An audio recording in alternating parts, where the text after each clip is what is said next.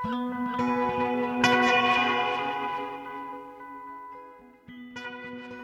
og sæl, kæri hlustendur. Halla Harðardóttir og Melkorka Ólafsdóttir heilsa úr hljóðstofu Víðsjár miðugudaginn 8. februar.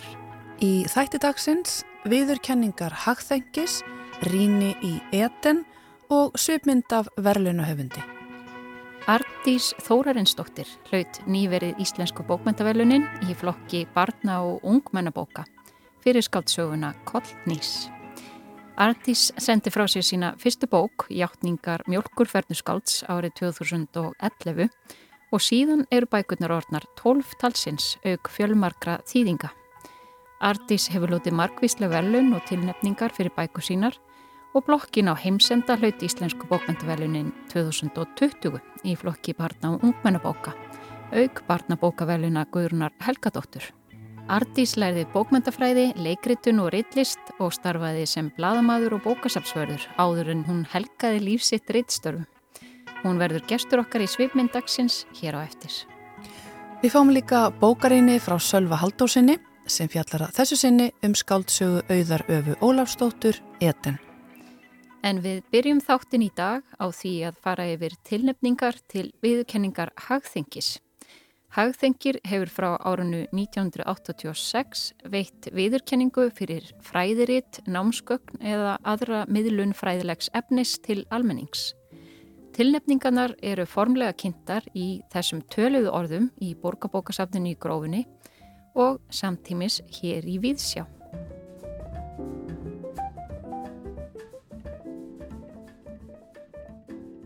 Tilnefningar til viðurkenningar hagþengis fyrir árið 2022 eru eftirfarandi. Anna Maria Bóadóttir fyrir bókina Jarðsetningu sem Angústúra gaf út. Ástís Ólafsdóttir og Ólafur Kvaran. Abstrakt geometría á Íslandi 1950-1960. Veröld gefur út. Ástríður Stefánsdóttir, Guðrún Vaff Stefánsdóttir og Kristín Björsdóttir aðstæðubundið sjálfræði, líf og aðstæður fólks með þroskahömlun. Háskólaútgáfan gefur út. Daniel Bergman, Fálkin, Anda gefur út. Helgi Þorláksson á sögustöðum, Bessastaðir, Skálholt, Otti, Reykholt, Hólar, Þingvellir.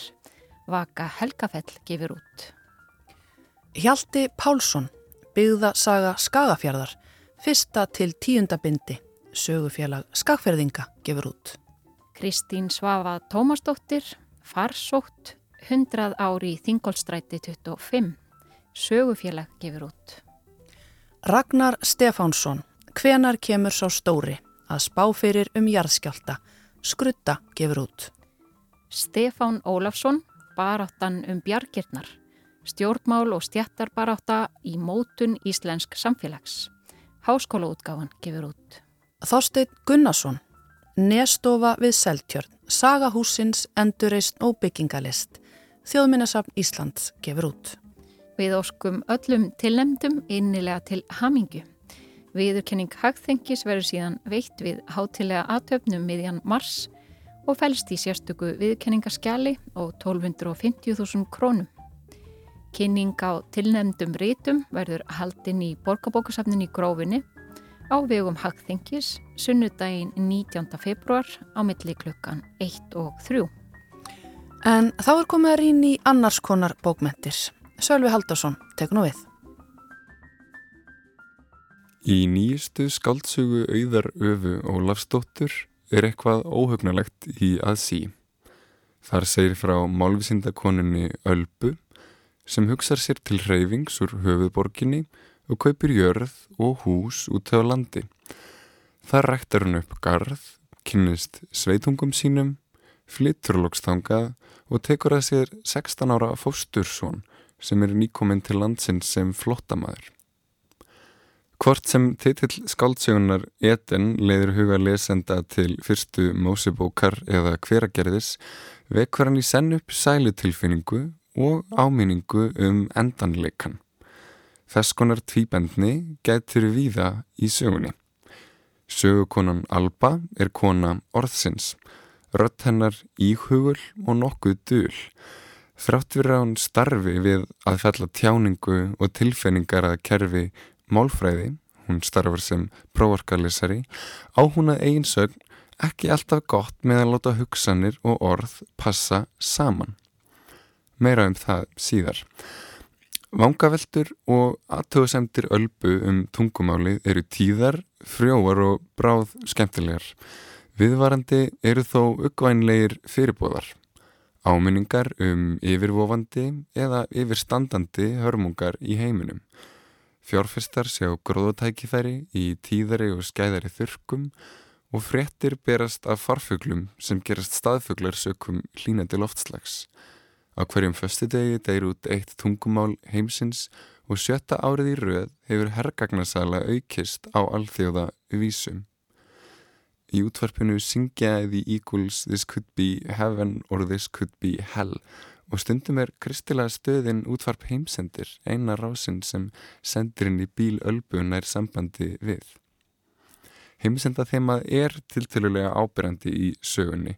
Strax á fyrstu síðaðinnar, eða réttar að sagt þeirri nýjöndu, er dreyin upp ógnarleg en heitlandi mynd af hinsta degi mannkins. Sagan hefst á flugdraumi þar sem Alba horfir út um glugga á flugvel sem tekst á loft og tilvitnin hefst. Ég sé jörðina skiptast í snirtilega rúðustrikaða reyti og borgina fyrir neðan breytast í syndrandi ljósakeðju. Í þessari hæð er jörðin mannlaus. Það er heimurinn eftir að maðurinn hefur yfirgefið jörðina í snatri og skilir ljósin eftir kveikt pott á eldavílinni og sjónvarpið í gangi. Tilvittnin líkur. Alba þreytir sig ekki of mikið á því að upplýsa lesandan um sína persónulegu stöðu mála. Hún er yfirleitt með hugan við eitthvað aðeins annað, eitthvað sem hún hefur lesið eða orðalag annara, ímislegt sem tengist í að standsetja nýja íverustasin. Það er helst í gegnum sím og samtöl hennar við fjölskyldu og nágrana sem lesandin fær að fylgjast með eiginleiri framvindu mála hjá henni en þau eru frekar duglega að heyra í henni. Fyrir vikið er fjarlægð yfir frásögninni. Stundum fannst mér ég hafa mistað ekkuri eins og ég hefði verið að horfa í vittlösa átt á einum stað á blæsið 125 þegar Alba segir ég veit hvernig það er þegar orðin sigla rétt fyrir ofan hársverðin fannst mér hún gjóa augunum til mín Staða hennar sem skáldsagnapersona er örlítið flókin. Í kaplanum Tungan mín, Ástarjáttning, verðist Alba til dæmis ljóstra upp um að hún hafi prófarkalesið dýralíf, síðustu skáldsögu auðar öfu sem kom út árið 2020. Fyrst við erum komin út fyrir bókina skulum við verða fyrir okkur kápuna. Framan á henni er lítil glansandi landslagsmynd ringlaga gluggi inn í útópískan sælureit þar sem smáfoss bunar kvítur og henni sæ græna lind undir bleiku laufskrúði. Kittsleg grafík sem minnir á eitthvað sem er hægt að versla í gafir jarðar á löguveginum. Litriðnir eru yktir og ónátturulegir og stingast fríðnislega á stúf við annars fáað útlitt bókarinnar sem annars gefur skýrt til kynna að hér séum fagurbókment að ræða. Þannig er kápuhönnuninn sem var í höndum Ólafs Unnars Kristjánssonar vel hefnuð og tekst að fanga það sem skaldsagan etin gerir svo vel að leika tveimur skjöldum. Að þræða íbyrða mikla tákgrænu með stríðni og leik, búa til pláss fyrir fýblagangan, halda þá andliti allan tíman. Þessi afstafa er forvittnileg í ljósi þess að umfjöldunar efni í skaldsagunar eru mörg hver alvarleg og líkt og stikkpröfa inn í samfélagsumræðuna.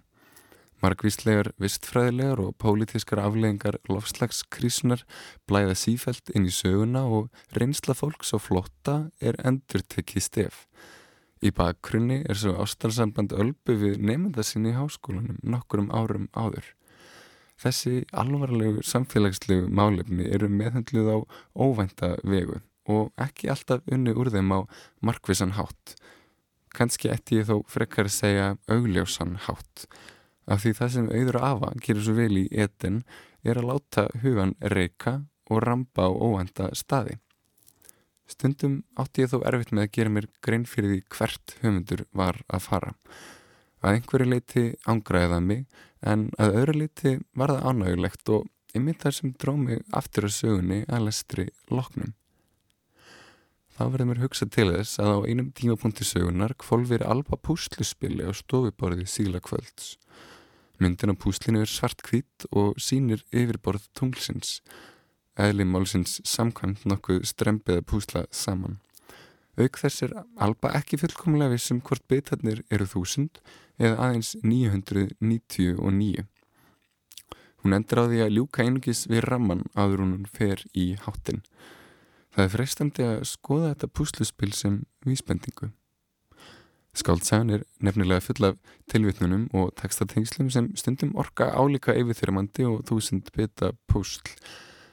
Nokkur sinnum skýtur upp kvallinum tilvittnun, í tilvittnun, Gorki, í Tjekov, um hver heimurinn er þið dásamlegur og hver maður ræktaði sinn jarðarskika. Á vegi ölbu og lesandans, verða líka reytingavers úr kórninum og gamla testamentinu, leikópurinn í sveitin er að setja upp hettu gabler og býður ölbu og leika dótturhettu, bertu, Alba sjálf var hins vegar skýrði höfuðið á annari personu leikhúsbókmyndana Bernhörðu Alba úr leikverki Federico Lorca. Svo er það þetta með Babelturnin sem hún heyrir í útvarpinu. Eins er freistandi að staldra við ljóðlínur Ingimars Júliussonar um Anna sem í leini grefur undan fótum ljóðmælanda. Þau sem vilja alltaf þessa þræði til enda hafa nóg að gera og googla en kannski er best að gera eins og Alba gerir ljúka við raman á púslinu en geima miðjuna til morguns Einhverjir getur svo sagt eins og Tjekov segir í tilvitninu í upphafi bókarinnar. Gullrótt er gullrótt. Meira vitum við ekki. Sjálfur ætla ég að halda áfram að pústla aðeins lengur. Sölvi Halldórsson fjallaðum skáldsögu auðar öfu Ólafsdóttur, Eden. Og við höldum okkur við bókmyndirnar í þætti dagsins því gestur Svipmyndar er komin í hljóðstofu og setur sitt fyrsta óskalag á fónin.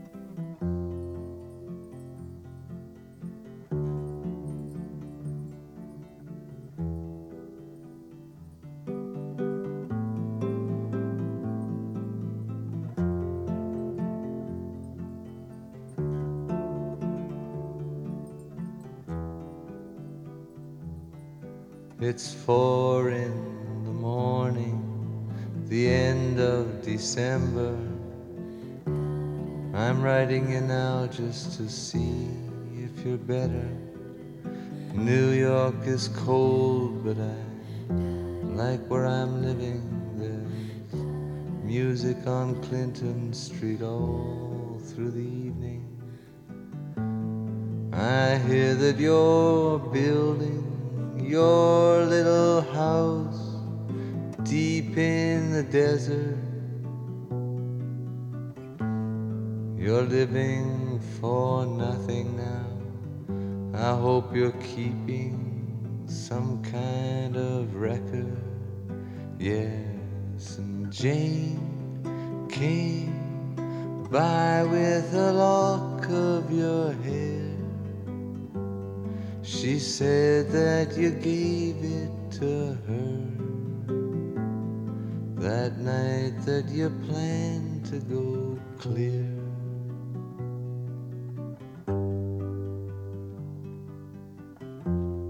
Did you ever go clear? Oh, the last time we saw you, you looked so much older. Your famous blue raincoat was torn at the shoulder. You'd been to the station to meet every train then. You came home without Lily Marlene, and you treated my woman to a flake of your life. When she came back. She was nobody's wife. Well, I see you there with a rose in your teeth. one more thin gypsy thief. Well, I see Jane's away.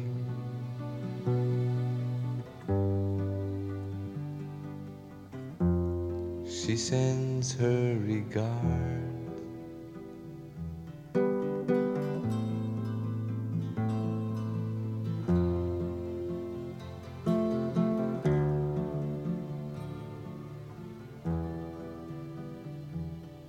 And what can I tell you, my brother, my killer?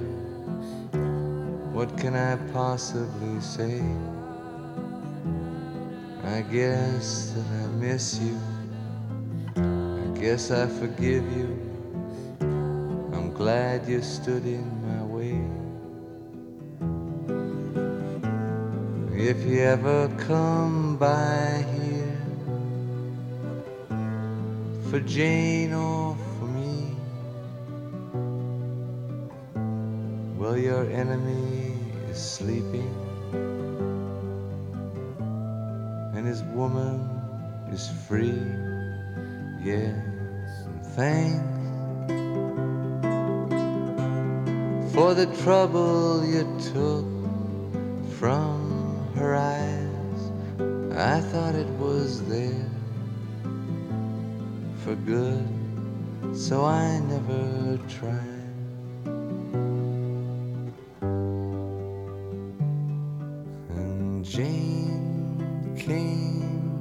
By with a lock of your hair. She said that you gave it to her that night that you planned to go clear.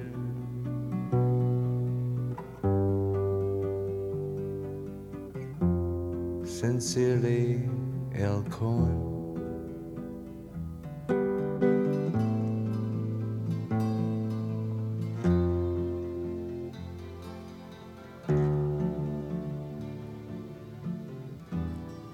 Hún sest hjá okkur Andins Þórarinsdóttir sem að laut nýverið Íslensku bókmentavelunin í flokki barna og ungmennabóka og þau laut hún fyrir bókina Kollnís.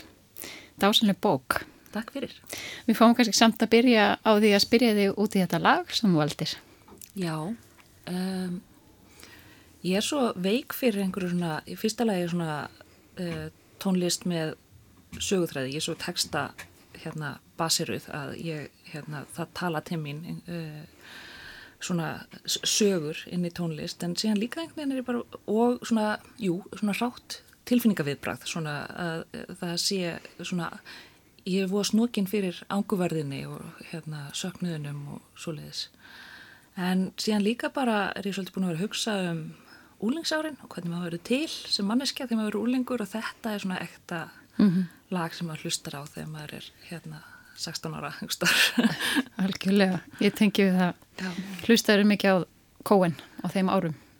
Ég gerði það en hérna ég sérst varð fyrir svona uh, það, það urðið dál tímamóti í mínu lífi sem ég fattaði ekki að væri tímamót uh, fyrir setna og það var að hérna þegar ég var uh, í nýjöndabæk þá kynnist ég stúlku sem átti eftir að verða besta vinkona mín. Og hérna og hún var svona eins og bara aðalpersona í úlingabóka eða eitthvað, hún var hún var sætust og klárust og hérna og það hugsaði enginn jafn áhugaverðar hugsanir hún. Og hérna og, og hún hafði rosalega áhrif á mig og það hérna og hún hlustaði á kóin og þá hlustaði ég líka á kóin og hérna og hún var svona bókmynda típa og þegar við kynnumst þá er hún sérst í tíundabæk og hérna þú veist alltaf musuklætt með hár út um allt að lesa glæburæsingu eftir Dostojevski Já. og aftur þetta var bara eins og sena úr úlingabók bara vá, hver, hver er þetta, hvaðan kemur hún? Og hérna og hún var alveg horfin inn í þessa bók og hérna og hún fór að nefna stelpunnar í kringu sig nöfnum úr bókinni.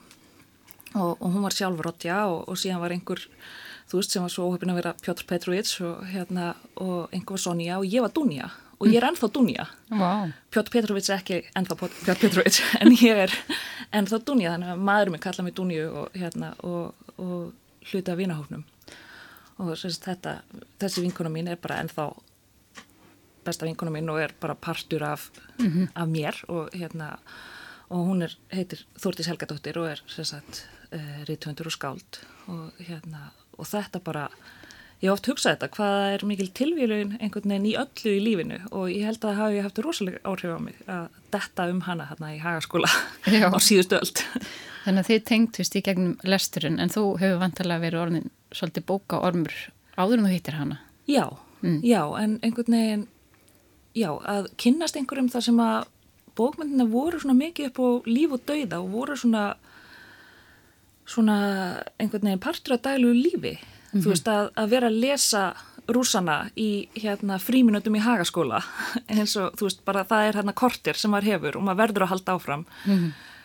alveg svona uh, einhvern veginn ánþess að, að byggast nokkur afsökunar á því að þú veist það var það var bara allt í skaldskapnum og það var svo mikil upplifun að hérna ég tengdi bækur við eitthvað sem var svona prívat og þegar maður hérna uh, hafði tóm fyrir það mm -hmm. en þarna var þessi svona já opinskáa ástriða sem að mér fannst svo heillandi og finnst enn og svona félagslega tenging já. við bókmyndunar og þennan heim og þennan heim og einhvern veginn tengi í kóen en þá við þessa uh, þennan vetur að, hérna, að kynast Þúrdísi og Dostoyevski og, og því allir. Já, en þú ert mikil ástriðið manneskja þegar kemur að því að kynna fólk fyrir lestri og þú hefur stopnað lesring fyrir Já, börn. Jú, ég held það og ég held að það kannski sérstaklega með núna 2023 þá held ég að skipt svo miklu máli bara að kenna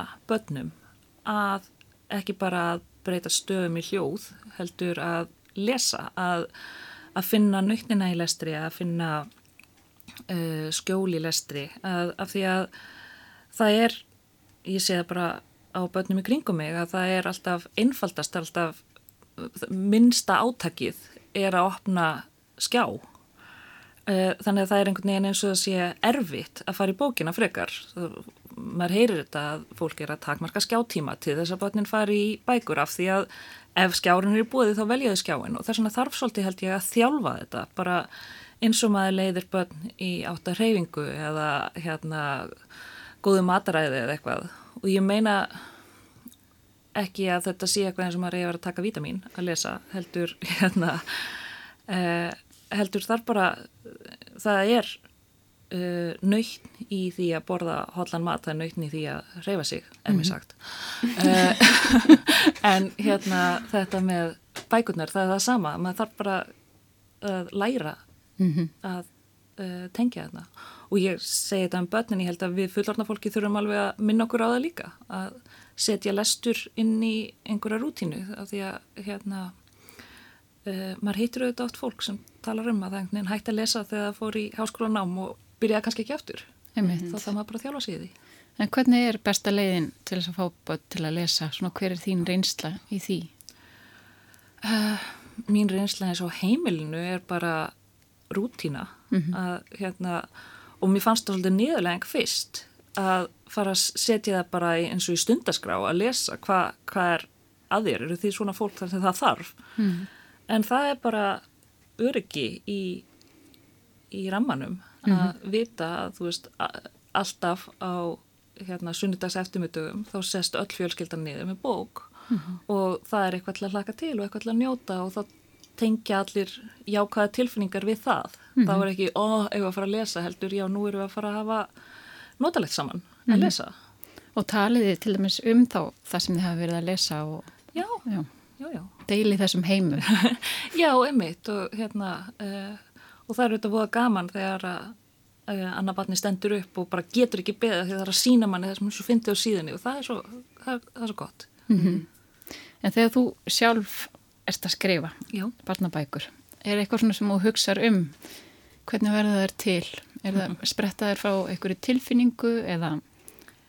Já, það er svo sem allavega sko uh, ég er auðvitað svona frekar eins og kannski allir höfundar, frekar sjálfmiðar höfundur, ég er alltaf að skrifa kannski meira það sem að höfða til mín heldur en það sem ég held að muni þú veist, teika í einhver bóks eins og væri líst uh, einhverju ídeal barnabók mm. þá maður sé alltaf að gera sitt besta en hérna þannig að jú og ég er alltaf svolítið að skrifa fyrir lesandan sem ég var og hérna líka bara þú veist að e, fara inn í þessa tilfinningu hvernig var að vera bann, að reyna að ná hennin niður mm -hmm. ég held að það sé og oft gerum og ég held að það sé oft nærmanni heldur en maður heldur mm -hmm. það mhm. er oft mér finnst að það sé einhver átt ára artís með mér alla daga sem að er oft að bregðast einhvern veginn undarlega við sem að hérna, eh, eldra sjálfið skilur að hérna, er ekki eðlilegt viðbræð fyrir fullarna mannesku en þessi áttar er þarna samt ennþá. Mm -hmm. Þannig að það er mikilvægt fyrir barnabókuhöfund að viðhalda barninu í sjálfun sér og kannski kunna að setja sér spór barna. Já, ég held að, og ég held að það sé kannski bara gott fyrir alla. Já.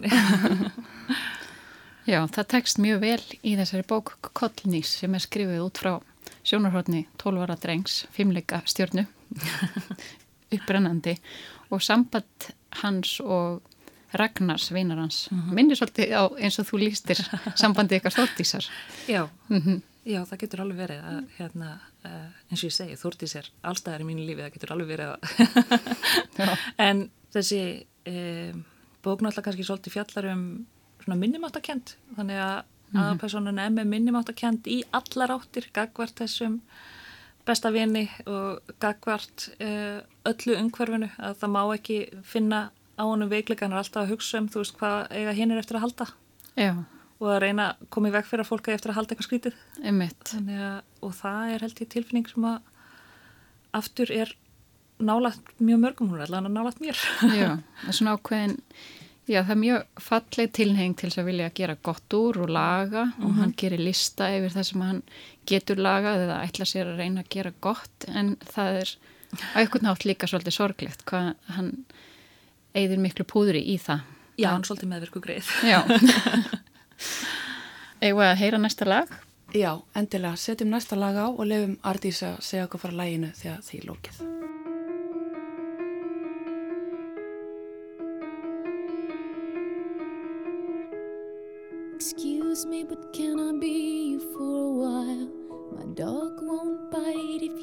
Real still. I got the Antichrist in the kitchen yelling at me again.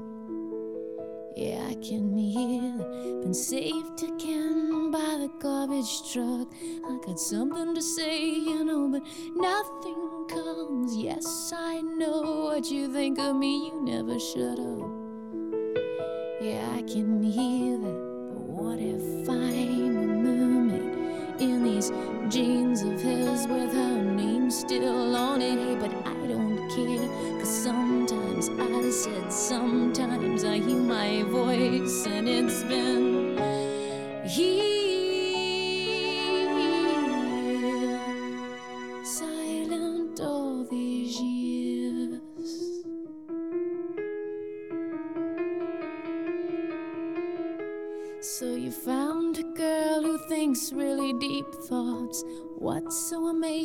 About really deep thoughts? Boy, you best pray that I bleed real soon. How's that thought for you? My screen got lost in a paper cup.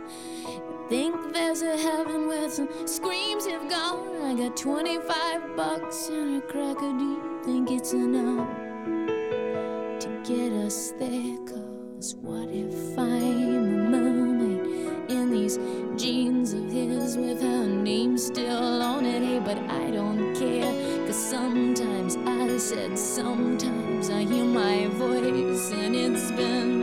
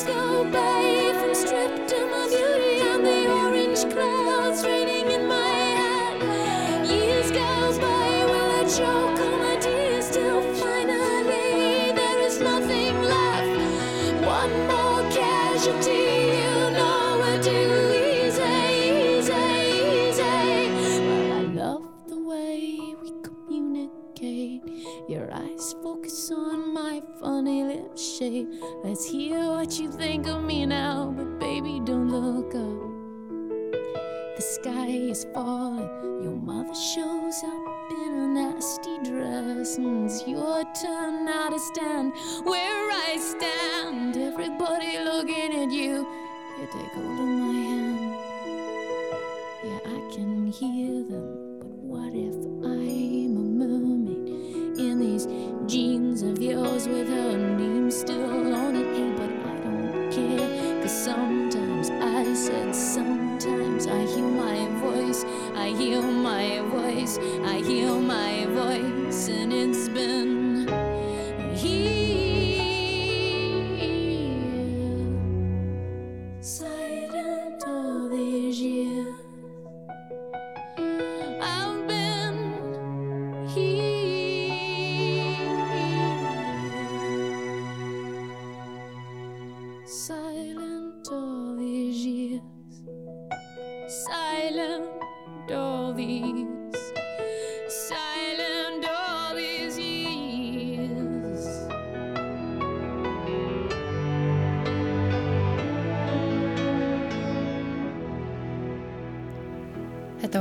Silent All These Years með Tori Amos, Artís Þórinsdóttir, veluna hafi. Akkur valdur þetta lag? Það svona svolítið speiklar uh, lagi sem ég byrjaði að velja með Leonard Cohen af því að þetta er þetta er annað lag sem að hérna, uh, við Þúrdís hlustuðum á þessa uh, fyrstu vetur vinátt okkar og um, og það, það er einhvern veginn svo áhugavert af því að þetta er eins og hinn hliðin. Þarna er kona að uh, hefja brust sína segja sína sögu af því að við þekkjum öll svo þessi introspektífu kallalög eins og frá Einmitt. og þetta er eins og svar við því. Og það er uh, það var líka einhver svona uh, kannski vakning að, að því maður hafði sögt sér svo onni kallamenninguna og kalla þú veist, stórvirkin og einmitt, Dostoyevski og alla vinnina mm þessar stóru hávaru rattir sem að voru svo áhrifamiklar og var svo gott að dvelja í og þú veist uh, mér langaði alveg að þú veist, vera ljóðmælandin í kóanlögunum en kannski var það sumpart af því að þú veist, það er svo stór kúltúr og þá langar mann eiga hlutild í honum -hmm. að hvarlar ekki alveg að manni að þú veist, það að fara inn í einhver, einhverja kven, kvenrættir er eins og stíga út fyrir uh, meginströmin Já, og maður vill ekki gera það, maður vill vera í meginströmnum já, en þarna kom þessi rödd og þessi uh, sem að uh, aðeins potaði í það að það væri uh, kvenrödd sem fekk að vera aðal. Já, og það væri hægt og það væri töff og, hérna, og það væri ekki eitthvað frávik eða undarlega heit, það væri bara jafngilt. Akkurat. En hvenær fannst þú fyrir því, Ardís, að þú vildir hefði upp þína rödd? Sko, það gerist mjög smám saman, þú veist, ég var eitthvað svona að skrifa sem batn ekkert voða mikið, þið vitið, sendin ljóði stundin okkar og svona, hús og mús rýma og hérna, batnablað morgunblaðsins, en hérna, uh, þannig ég skrifaði eitthvað svona smá uh, alltaf, en minna þegar ég var úlingur og en ég var meira að bara lesa og drekka í mig þannig að það var í rauninni ekki fyrir en eftir ég var að byrja í háskóla sem ég svona fer að fykta við að eitthvað svona markvist að, hérna, og þá kemst ég svona í uh, samfélag skrifandi fólks En þú varst búin að finna það áður að það væri gaman að skrifa. Já, ég var Já. búin að finna það áður að það væri hérna uh, en mér fannst einhvern veginn að það væri ekki alveg ég ætti kannski ekki alveg rétt á því eða tilkallt til þess að það er svo það er svo frekt að skrifa. Það er svo, það er svo aggressíft að segja ég á tilkall til að segja eitthvað ég á því að hlusta á mig þá einhver að skrifa eitthvað bara sem að ég, á einhver að taka eitthvað sem að ég bara bjóð til úr engu og setja orku í að lesa það yfir, brjóta það um uh, þrykja því á pappír og annað fólk á síðan að taka tíma úr sínu lífi til að lesa það. Þú veist, eitthvað frá mér Er þetta ekki svolítið kvenlega nálgun? kannski, jú þannig að uh, það var eitthvað svona sem ég fannst og finnst að einhverju leiti ennþá svolítið strempið, svona þessi hvað ert þú að vilja upp á dekk tilfinning. Einmitt. En var það ákvörðun hjá þér, ég veit þú hefur skrifað ljóð og þú hefur gert heilmikið af þýðingum, en var það ákvörðun að skrifa fyrir börn og úrlinga? Já, það var einhvern veginn, ég hætti aldrei að lesa barnabækur. uh, þannig að ég var lesandi er líka bara rúmlega tvítug þegar ég átti engin börn og þetta engin, börn og svona. Þannig að mér fannst það alltaf svo áhugaverð bókmyndagrein af því að það, mér finnst bernskan svo áhugaverð tímabil því að maður er uh, það er allt svo viðkvæmt, það er allt svo stórt, það er svo mikill háski í öllu, þannig að það er uh, maður er svo berskjaldaður eitthvað þegar maður er bann Mm -hmm. Og að upplifa allt í fyrsta sinn. Og þannig að mér finnst það mjög áhugavert tímabil svona innan, eða áhugavert svæði innan bókmyndana, það er uh, það er ímislegt mögulegt þar sem að er erfiðan annar staðar, það eru mér finnst það bara mjög frjór staður í hérna uh, í bókmyndunum til að vera á, það er margt leifilegt og hérna hægt að skrifa mjög erfiða bækur um þungmálefni vegna þess að þær þurfa líka að vera þarna og, og krakkar auðvitað sækja í það. Þeim finnst það áhugavert að máta einhverjar erfiða tilfinningar. Mm. lásu þið ekki líka bækur rosa mikið barnabækur þar sem einhver deyr þegar þið voru barn? Af því að uh, það er maður er forvitin um allt þetta sem maður hefur ekki prófað líka það erfiða. En síðan líka bara þetta skrifa hefur maður svo leifið til að hafa gaman og gera eitthvað fyndið og gera eitthvað óvænt og skrifa nærbúsur og, það, og það er finnst mér skemmtilegt að, hérna, að geta farið þarna á milli. Og Róald Dahl saði eitthvað tíma að það er að vera einn brandari á hverju blaðsíðu Já, til að ná að grípa unga lesendur. einmitt ég, ég hef ekki talið en ég held þetta sé mjög Já. En hvað er þessi góð leið til að grípa unga lesendur? Bland af háska, fyndni, Já og svona kannski að nálgast lesendur af uh, virðingu. Og þá meina ég það ekki svona eins og maður er að taka sér eitthvað rosalega hátílega heldur bara að fara aldrei niður, að smætta aldrei. Af því að þú getur verið með mjög stuttan texta sem að samt nær að uh, ná utanum mjög flókna tilfinningu. Eins og maður sé bara í, náttúrulega marga frábæra myndabækur eins og skrýnslabækurnar eftir Áslugu Jóns og hérna Rakel Helmstall og Kalli Guðler. Það er, hvað ætli þær séu, 120 orð kannski hver. það eru ótrúlega stuttar en ná oft einhverjum svona mjög fínlega viðsnúningi sem að uh, maður sér annars í ljóðum. Einmitt. sem að, og þetta finnst mér mjög skemmtilegt að það er hægt bara að varpa upp einhverju svona tilfinningu og viðtakandin þarf ekki að geta greint nákvæmlega hvað er verið að gera þarna. Hann skilur það bara einhverstaðar í undirmeðutundinni og skilur það örglega misjafnlega eftir hvort hann er þryggjára eða sjöra þegar hann les það. En í bá, bæði þessi þryggjára og þessi sjöra fá eitthvað út úr því. Og það er bara eins og aftur með ljóðlistina að það getur verið bara mjög misjamt eftir lesanda hvað nær til hans úr texta. Prófaru sögurnar þeinar, lestu þær fyrir börn? Stundum já. Og hérna uh, eins og með þessa síðustu þá fekk ég nú bara uh, yfirlesara sem að uh, æfi humleika til að lesa hefur fyrir mig. Já, af því að það er heimur sem að uh, ég þekki ekki nema úr YouTube myndböndum. Það var mjög, mjög gaglegt uh, en og jújú, jú, ég prófa stundum uh, einhverja svona stýttir texta en ég hef nú ekki verið að lesa skálsögurnar upp átt Nei. En þú varst lengi að vinna þessar bók. Já. Tíu árið eða eitthvað sem hún Jú, lág hjá þér. Já, það passar. Hún var svolítið, ég, ég er oft búin að gefast upp á henni, ég er oft búin að hætta alveg að skrifa hana, mm. því að þetta bara gengur ekki. Þannig að það var svona orðið aldrei sálihjálparatriði að losna við hana núna. Já, en svo hún festist ekki bara inn í þess eitthvað. Já, hún var náttúrulega búin að sitja þar fyrst, þetta var eins og hérna einhver svona eitthvað heimlíkt takk að ná henni út núna. Já. Er það út af því að tilfinningarnar voru flóknar eða veistu af hverju? Ég bara náði ekki, já, tilfinningarnar eru flóknar og ég náði ekki alveg, það var frásagnar aðferðin sem að var uh, að þvælast fyrir mér af því að, einmitt, að, að ná að uh, gera þetta samtímis að uh, skrifa um svona flóknar fjölskyldu aðstæður en á einhvern hátt sem væri skemmtilegur og aðgengilegur fyrir krakka.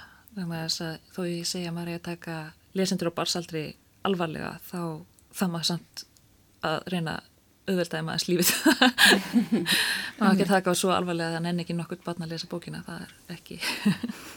En hverju voru þínir uppáhaldsöfundar þegar þú varst barn? Sko ég held að sé mögulega bundið í landslög að allir á okkar aldrei þurfa að segja Guðrún Helgatóttir af því að hún var bara svo mikið dominerandi hún var náttúrulega bara stæst af öllum mm -hmm. og hún auðvitað gerir þetta rosalega vel að vera að fjalla um flókin málefni á aðgengilegan hátt og að fara svona alveg inn í tilfinninguna um það hvernig það er að vera bann. Mm. Það, er engin, það er engin dæmandi fullorðin eh, höfundur einhvern veginn sem að skinnir á bakvið eh, tekstan. Það er alltaf bara bannið algjörlega á sínum fórsendum mm -hmm. og eh, ég tengdi við það eins og í Gunnhildur og Glói. Hérna, Gunnhildur var svona lítil í podlagala með hérna ennistopp og guldhár og hérna var óanæð að þurfa að fara á leikskólan í regningu og ég man eftir að hafa verið þetta leikskólabarn og bara finna sjálfa mig í þessari bók og ég bara þarna, þú veist, já, nákvæmlega, nákvæmlega, svona er þetta Guðrún. Þannig að hérna, uh, jú, hún og en svo las ég auðvitað bara náttúrulega það sem var til, ég las þetta bækur fóröldra minna, ég las Einett Blæton og ég las hérna Ármann K.R. og hérna það allt saman.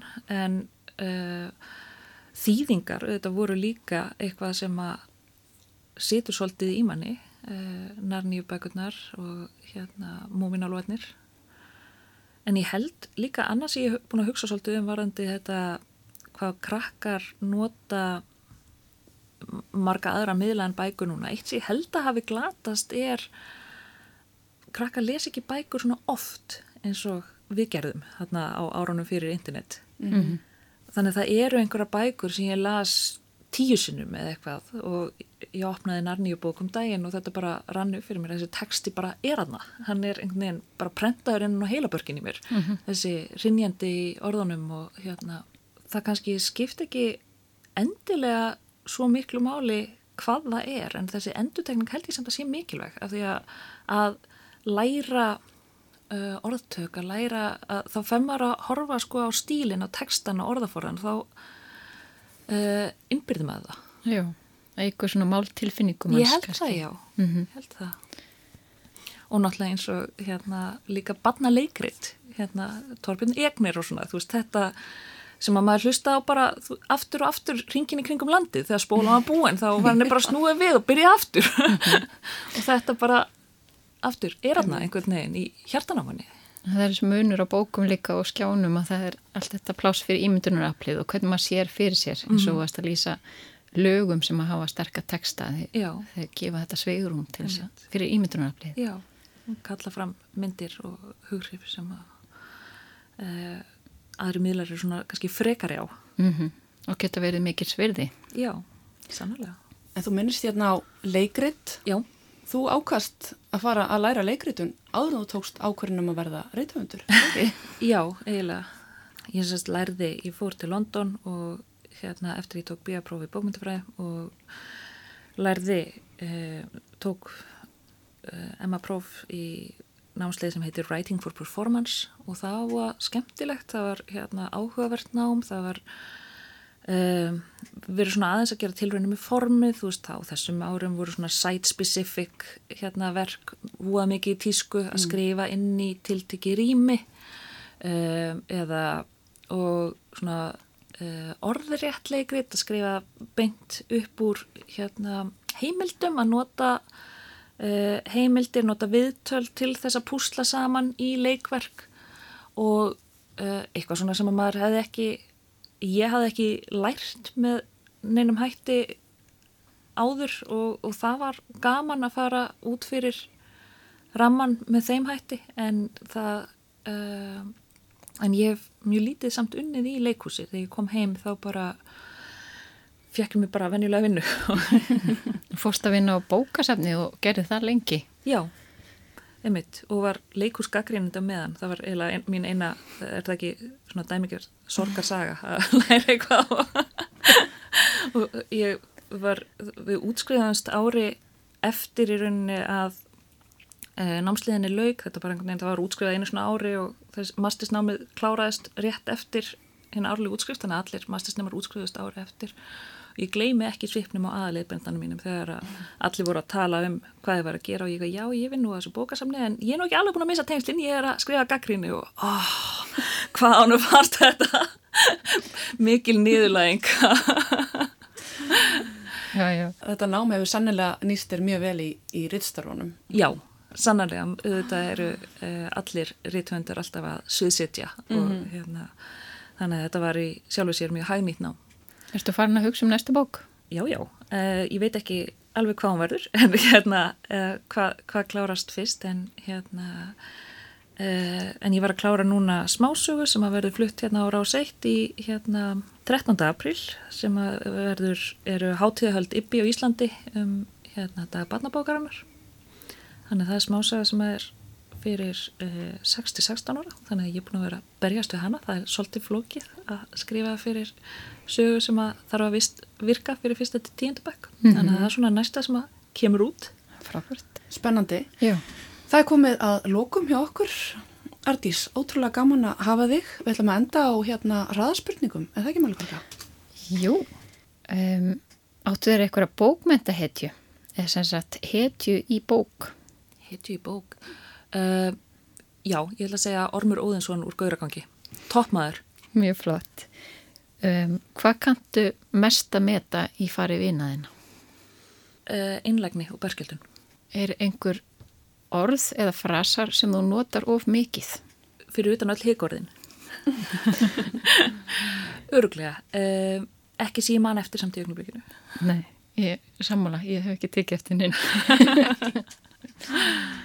Takk innilega fyrir komuna, Artís Þórensdóttir. Ég ætla að beða um að segja okkur aðeins frá síðasta læginu sem þú valdir. Já, uh, ég ákvaða að velja einmitt ekki lag sem er með uh, texta eða sögutræði heldur ákvaða ég að velja tónlist Jóhans Jóhanssonar úr uh, Theory of Everything af því mér finnst í fyrsta lagi skrifa ég mjög mikið við þessa plötu og í öðru lagi þá finnst mér það svo falleg áminning um það hvað er gott að vera púsl í stærri heild og það er hægt að gera eitthvað ofbáslega fallegt og mikilvægt sem að er að lifta undir eitthvað annað og ég held að það sé mjög góð áminning fyrir okkur rítvöndana sem oft er um svo miklu sólóistar.